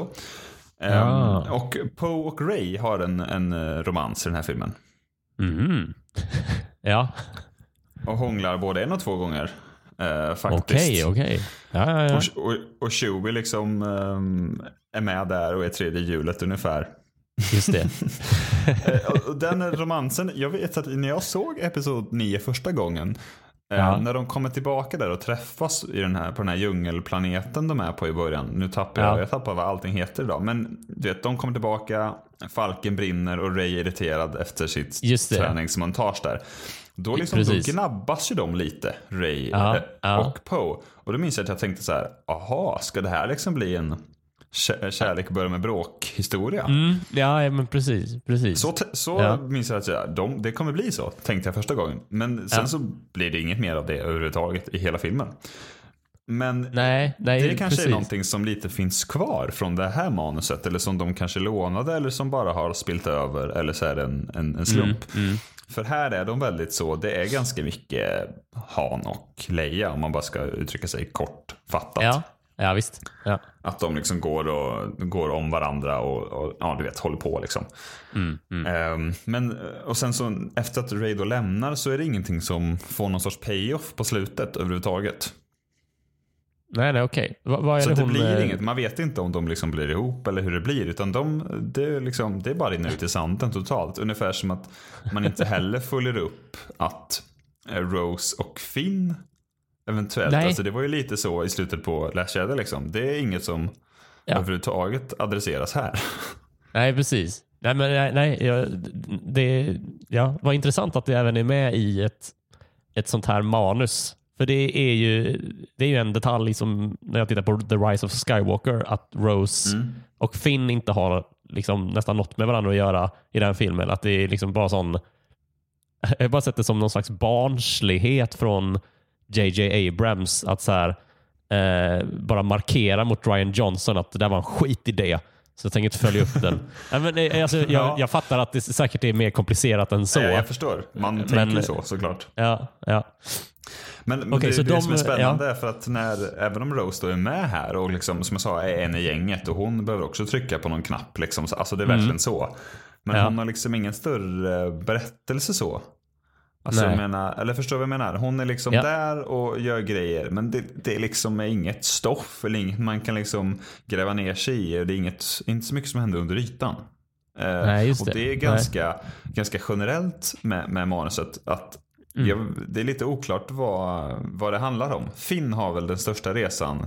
Förutom huvudkaraktären Ray då givetvis. Men sen är det, lite- Mm. Ja. det är lite det är ganska mycket lättsamt actionäventyr överlag. Jag tycker Mm. att det är väldigt mycket som en Marvel-film alltihopa. Det har den humorn, det har Ja. lite sådana liksom, plot points eh, och Just det.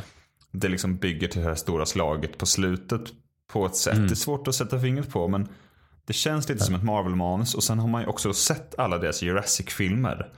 Mm. Och det är lite samma ton, det är lite samma flams och trams och det ska vara roligt hela tiden.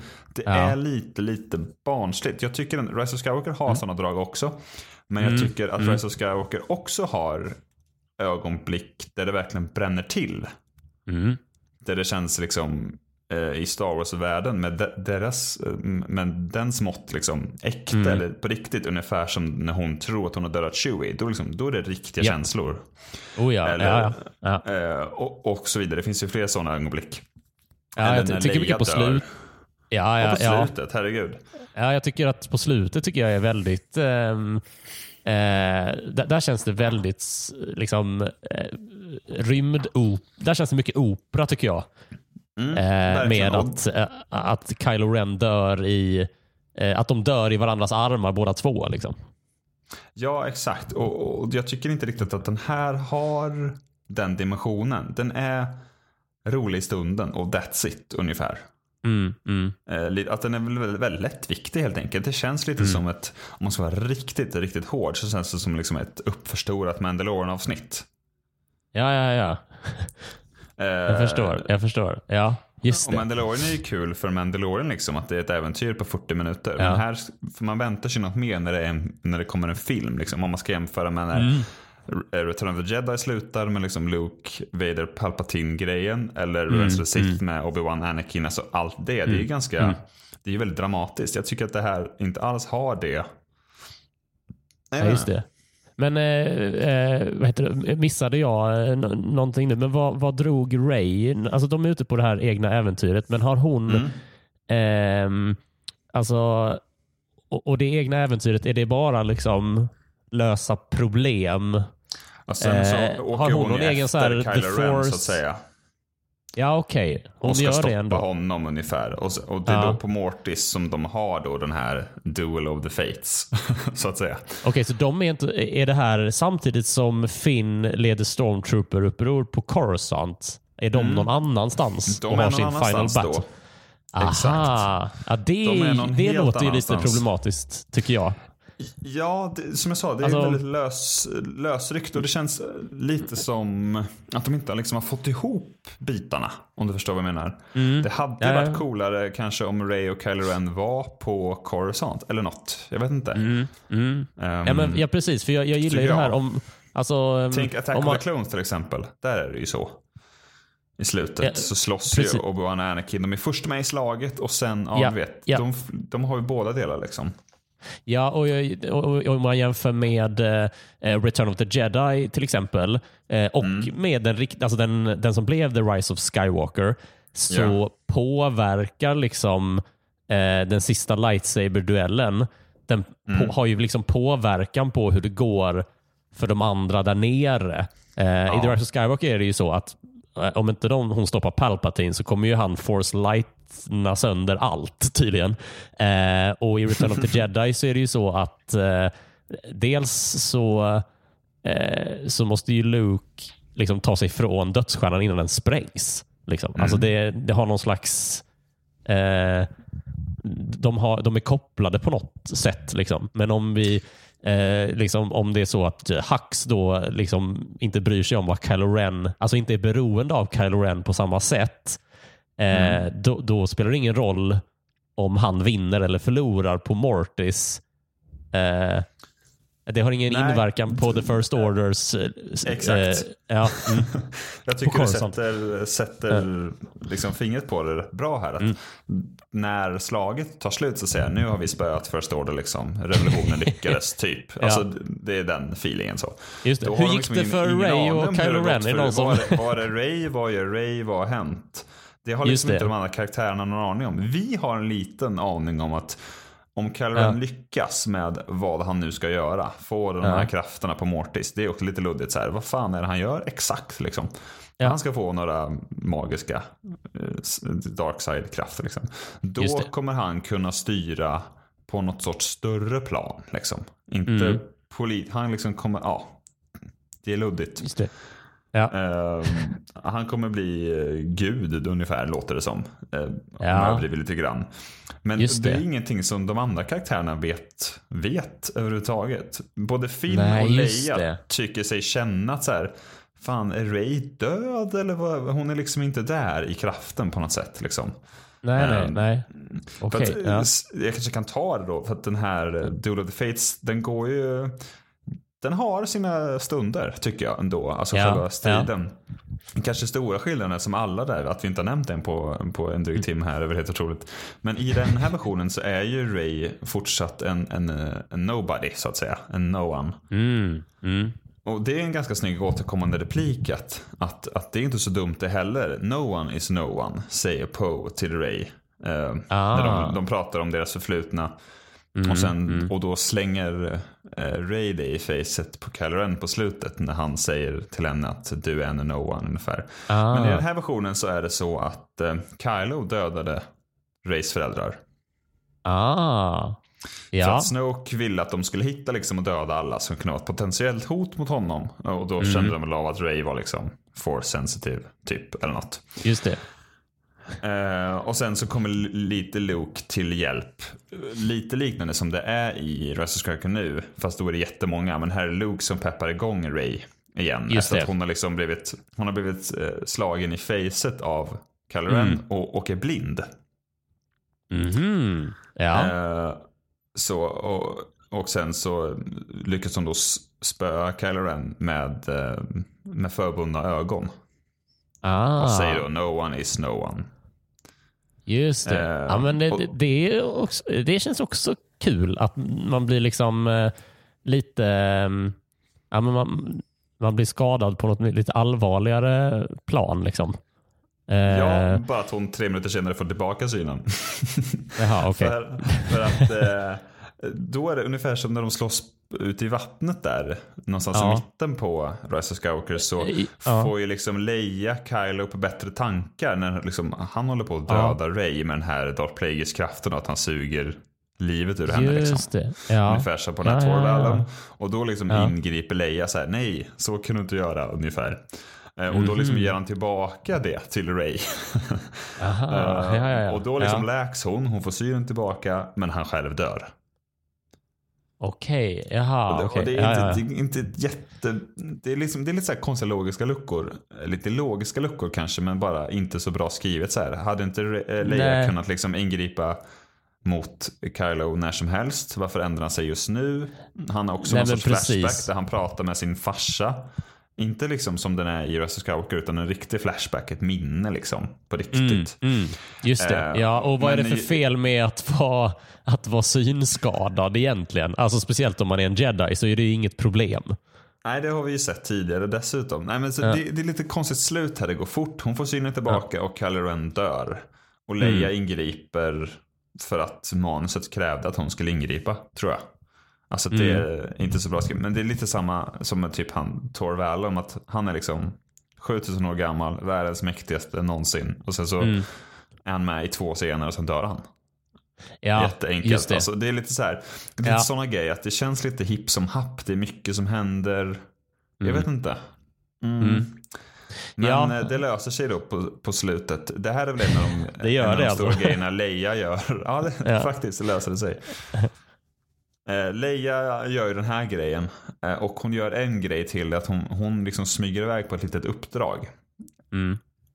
Detta är um, drygt halvvägs in i filmen. Då möter hon liksom upp Lando. Hon smyger ner till Lando Mhm. som då självklart äger en kabaréklubb.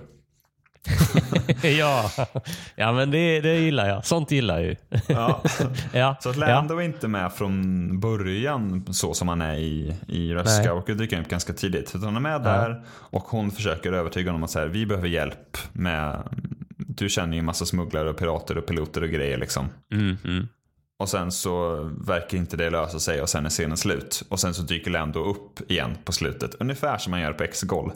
Fast liksom med eh, liksom, det är lite Med mer och dem. piratfeeling på de som kommer istället för att det Ah. liksom är civila. Just det, just det. Ja, Det är lite mer Ja. under världen än, äh, än det är i Rise of ja, Skywalker men, på något vis. ja jag förstår. Ja, Men ja. det är ganska likt eh, egentligen.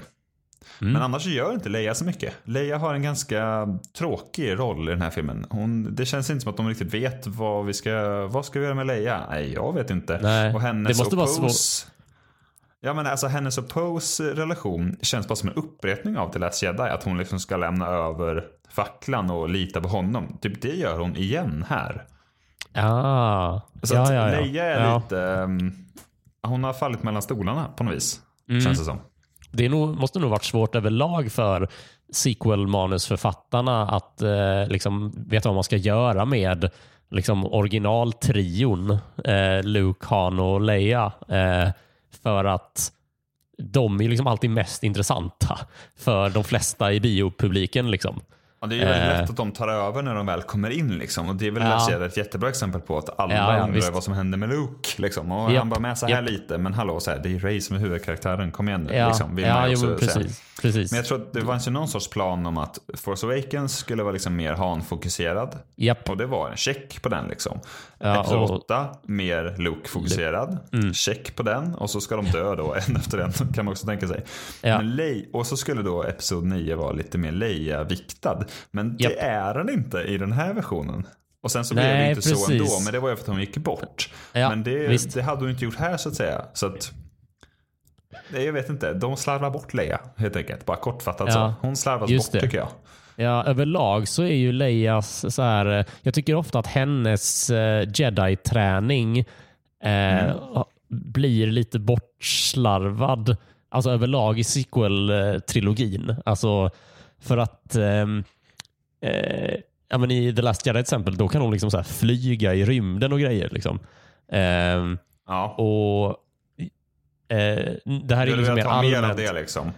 Ja, jag, alltså jag hade nog liksom behövt mer av det i, eh, i The Force Awakens. Liksom. För där får man ju känslan av att Leia eh, valde liksom inte att vandra jedi-vägen alls. Eller, men man, inte, man förstår inte att hon har eh, tränat som jedi överhuvudtaget. Utan de har så här, ah, men vi har satt vår son i Lukes skola. Liksom. Ja, så, nej. vi får, Det- så vi får iväg någon. Liksom, Det kommer ju sen.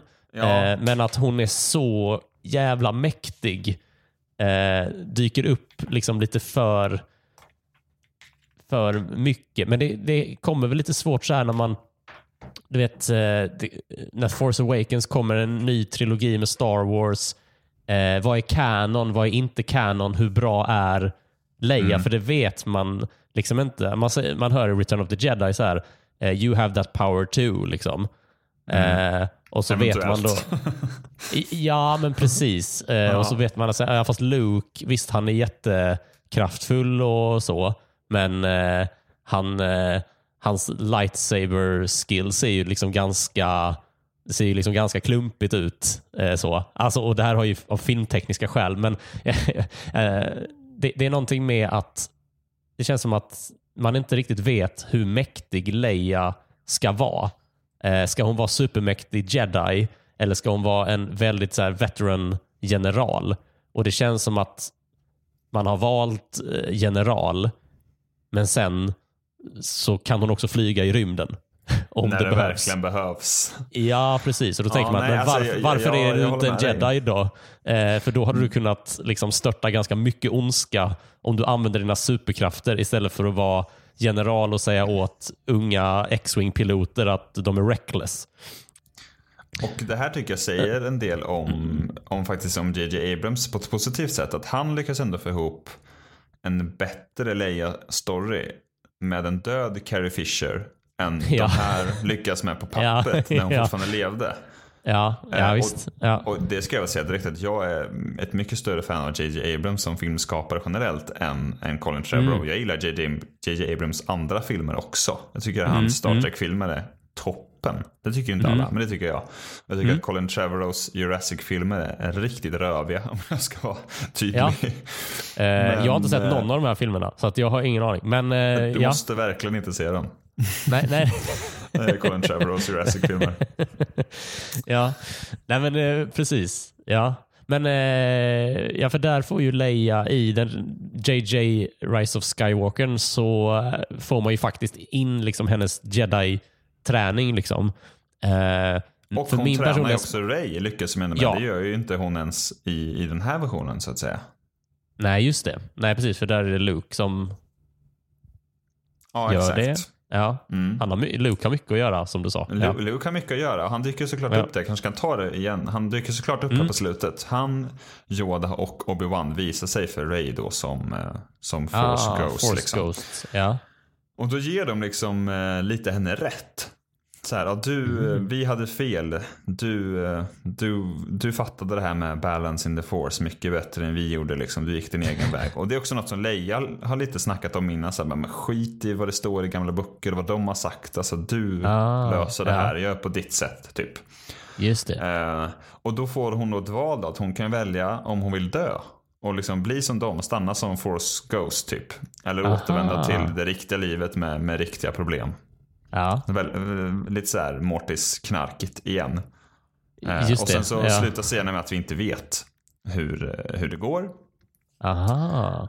Eh, och sen så är det ett litet tidshopp. Jag, jag river av slutet här nu direkt. Ja, ja men vi, Ehm, precis. Så är det Vi gör liksom det en slutceremoni. Det är ungefär lite som i Phantom Menace inbillar jag mig. Eller någon sorts blandning av Phantom Menace och A New Hope. Liksom.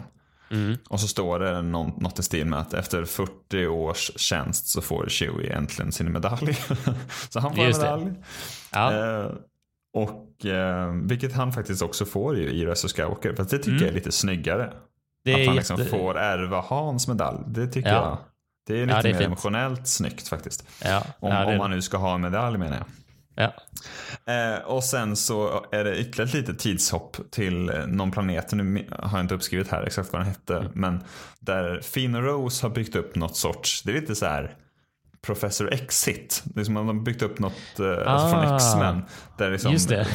force sensitive barn kan vara. Och eh, Ah. utan att någon är taskig mot dem typ. Och han killen, barnet på slutet i, i Last Jedi är där till exempel.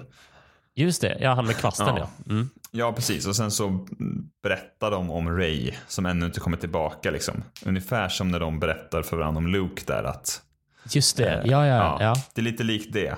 Eh, Ja. Men hon har ännu inte kommit tillbaka. Så här, men jag tror att hon någon dag kommer tillbaka. De vet ju inte vad som hände liksom. Och sen i nästa Mm. scen så kommer hon tillbaka och så ska hon träna jedis och the end liksom. Mm. Det är lite så här, sen leder hon lyckliga alla sina dagar eh, slut. Och Mm. de här miljöerna finns det ganska bra, eh, vet du det, concept art på om man vill kika på. Okej. Ja. Har du något mer så här? Jag vet inte vad jag har nämnt och inte. Jag är alldeles för snurrig för sånt här egentligen. Är det någon mer karaktär Ja. du undrar över? Det, det finns säkert massa karaktärer att undra eh, över. Jag, jag vill ändå hävda att vi har tagit upp väldigt, väldigt mycket. Vi ska ju ha lite lyssnarfrågor också. Just det, just det. Eh, så jag tänker att vi, att vi släpper den alternativa episod 9 Kanske för den här gången. Va, va, Eh, vad tyckte du då? Har du landat i vad du tycker verkar bäst eller inte? Oh, eh, ja men precis. Det får väl, alltså.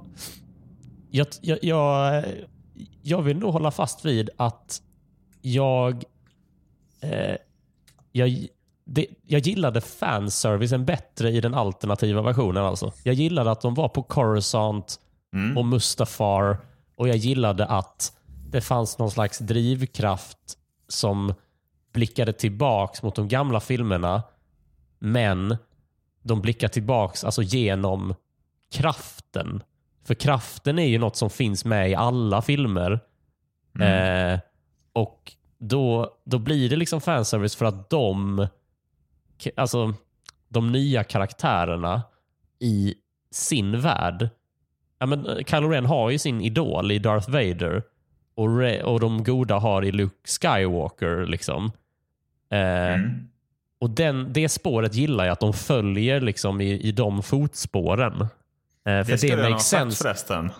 Innan du Ja. avslutar här så kan jag flika in att, att Kylo Ren gör liksom lite upp med Darth Vader i en lite tidigare scen än när han slåss mot honom i grottan där. Att han, han inser någonstans att du, du misslyckades för att du liksom kände kärlek till Luke. Typ. Ah. Och det slutar med att han då släpper ner Darth Vaders mask som han ju fortfarande har. eh. Från någon jävla balkong och krossar den liksom. Och nu ska jag bli coolare Ah. än du. Ungefär. Det var så här jag gjorde av mig av med en napp när jag var liten, har jag fått berättat för mig. Att jag kastade Ja. ner det från en balkong. Men ja, sure. Eh, ja, men vad säger jag, jag, som sagt, jag gillade att de återvänder till gamla planeter. Det är alltid ett plus för mig tycker jag. Eh, för även om galaxen är jättestor och man varje film och serie måste ha en ny planet hela tiden, kan jag störa mig lite på. För att eh, de är fortfarande människor. Eh, man är mer relaterad. Man åker till ungefär samma ställen. Liksom. Eh, Ja. Och eh, Men sen så är jag med dig väldigt mycket att det är väldigt irriterande att de inte har någon, någonting, att de inte är på samma ställe. Mm. Och det, det, det känns som att det hade behövts fixas väldigt mycket med dels ett konkret hot eh, från de onda som de goda måste avvärja. Ehm, och att de, eh, deras parallella handlingar får man jättegärna ha, men de måste vara beroende av varandra på något sätt. Och Det förstod jag inte riktigt hur det skulle liksom bli spännande. Men det som sagt ligger ju också i eh, i den riktiga Rise of Skywalker att Hux och Kylo Ren inte är beroende av varandra på samma sätt eh, som eh, Palpatine och Vader är beroende av varandra. Okej att de är onda och vill eh, hela tiden ha mer makt än den andra. Palpatine skiter ju i Vader såklart om han får Ja. Luke. Men, eh, men än så länge så har han bara Vader. Eh, Ja, precis. Här skippar de lite den relationen helt och liksom Ja. orkar inte med den. Så vi särar bara på dem och sen så, Mm, mm. så, Så, blir det vad så. tycker jag? Eh, ja, eh, väl, väldigt svårt att tycka eh, Ja, det är väldigt väldigt svårt. svårt att tycka något. Eh, men eh, jag hade gärna sett eh, dem återvända till eh, ehm, följa upp lite gamla spår och återvända till lite gamla planeter i The Rise of Skywalker. Nu åker de visserligen till Endor. Mm. Det är ballt med den gamla dödsstjärnan. Och Tatooine på slutet. Men det ja, är det men va? det är ju bara för att Ja. eh, nå- ja, någon ska bli glad. typ, alltså, Typ nej, men det, det kändes jävligt krystat. Och hon som är ute och går i sanden där, varför är hon Ja, där? För att ställa en men- fråga. Eller liksom så. Eh, ah, jag vet inte. Känns svårt. Ja, alltså jag, Jag svarar nja, när jag, svarar jag. Du svarar nja. Ja. jag, när jag har läst hela så tycker jag att Rise of Skywalker är mycket bättre. Okej. Ja. Men det är, alltså, det, är så här, det är också jättesvårt att avgöra bara på att ha läst ett manus. Så att, Mm, Jag har läst lite av eh, så här, filmer som man har sett också. Och ibland så Mm. det, det blir väldigt olika på papper och eh, liksom på resultat och så. Mm. Men om jag ändå ska försöka ha en åsikt så tycker jag att, som jag sa innan, det är väldigt tunt, det är ganska lättviktigt och så tycker jag att det är lite, det känns lite generiskt och lite fånigt. Det är liksom alldeles för, Mm. kanske inte alldeles för roligt, men jag tycker att det kanske är roligt på fel sätt. Och sen så Mm. är det liksom grejer som inte följs upp, som jag sa, eller som bara försvinner eller som kommer utan anledning. Men som Finn och Rose, liksom, bara Mm. helt rinner ut i sanden, eh, precis som Ray och Poe. Mm. Och sen den här Tor Vallum, hade han behövts? Och liksom hela den här Mm. Mortis-historien, hela Kylo Ren-historien känns ganska Mm. bortslösad. En viktig del för mig i Rise of Skywalker, som absolut inte är min favorit Star Wars-film eller så. Men det är ju Ray och Kylo Ren. Och det är, Mm. där, det är det absolut bästa med den filmen tycker jag. Och Mm. det tycker jag verkligen saknas här. Mm. Det är liksom ett kul äventyr. Men inte så Mm. mycket mer. Och det finns lite coola actionscener. Men Mm. den är också krånglig utan anledning och, och, och sådär. Mm. Och liksom har inte de här högsta höjderna som jag upplever att of Skywalker har riktigt. Som när, när Mm. Ray ger Kylo Ren svärdet där bakom ryggen på slutet till exempel. Alltså Just har inga sådana Ja. riktiga så här. Ja, Ja. det ögonblicket var riktigt nice. Typ. Ja, Det är liksom, ja. Jag kan inte riktigt hitta några sådana här i, i manuset. Det är klart det finns grejer som är coolare än andra och jag gillar verkligen Finns Mm. eh, liksom, eh, Re- Revolution Leader-grej. Ja. Den är cool. Men nej, jag vet inte, den når inte riktigt ända fram tycker jag inte. Nej, Då Slut, klart. eh, då var det klart. Ehm, men avsnittet är inte riktigt klart, för nu ska vi ta lyssnarfrågor. jävlar. Ehm, ja, ja, men det här brukar bli väldigt eh, kul. Det, det är väldigt bra lyssnarfrågor. Ehm, mm. Den första kommer från Simon. Okej. Han undrar, eh, vilket är ditt bästa ljud eh, slash musikstycke från hela Star Wars-universat? Du kan alltså svara Oj, både en effekt och ett... Jag har alltid gillat ljudet när Obi-Wan stänger av tractor-beamen. är coolt. Exakt. Ja, ja. Det gillar jag. ja Och det är sen nice. Så jag tror att allas favorit är egentligen liksom, ja, det som nu har kommit att kallas för The Force Theme. Men som egentligen var tror jag Obi-Wans theme från början. Mm. Det, ja, det stämmer. Eh, men det tror jag egentligen är allas favorit. Men bara för att säga något som jag upplever inte pratas om lika mycket så är det en liten liksom, melodi som kommer då och då för att liksom öka spänningen i prequel-filmerna. Det är liksom som en stigande liten trudelutt som så här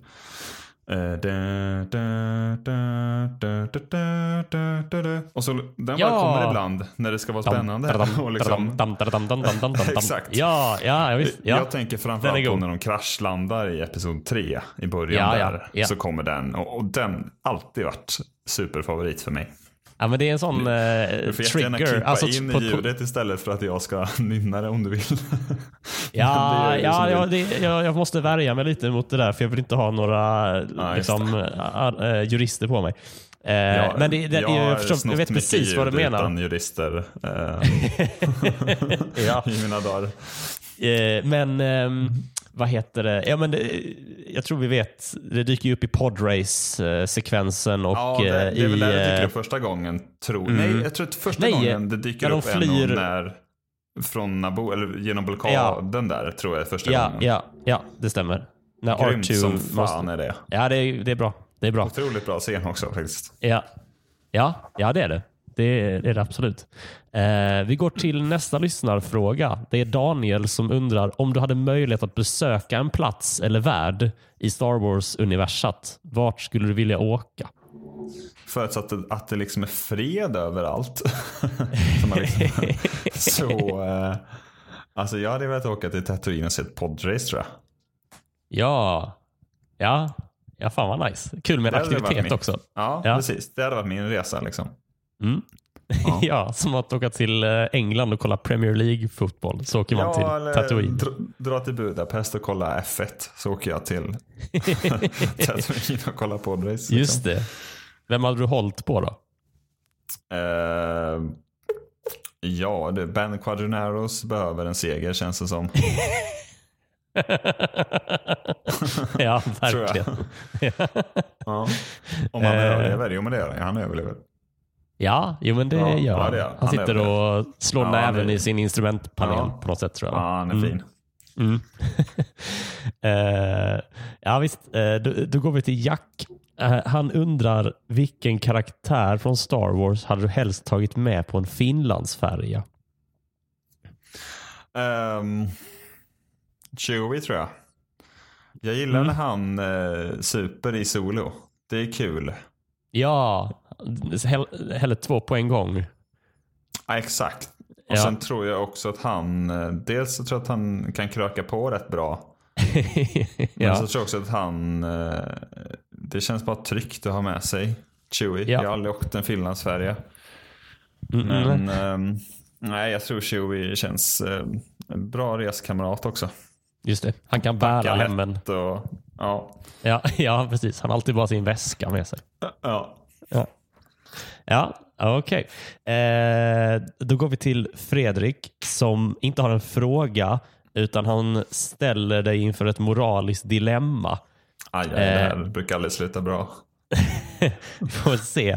Du befinner dig på Mustafar eh, och så på backen så är det två rutschkanor som leder ner mot lavafloden. Och i den ena sitter Grogu och i den andra Yoda. Och du kan bara rädda en.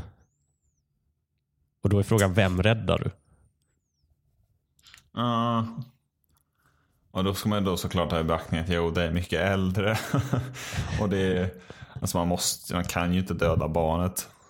Eh, kan man ju faktiskt inte göra. Tyvärr höll jag på att säga, men Yoda klarar sig ändå. Liksom. Mm. På ett sätt hade det ju varit liksom bättre så slöseri med resurser liksom, om Yoda skulle dö. Men om man vet att han ändå klarar sig så kanske man skulle ta, liksom, det är mycket liksom, vishet och, och så som försvinner med Yoda. Men om han ändå liksom kan prata med Luke när det behövs så får man väl ändå rädda Grogu då.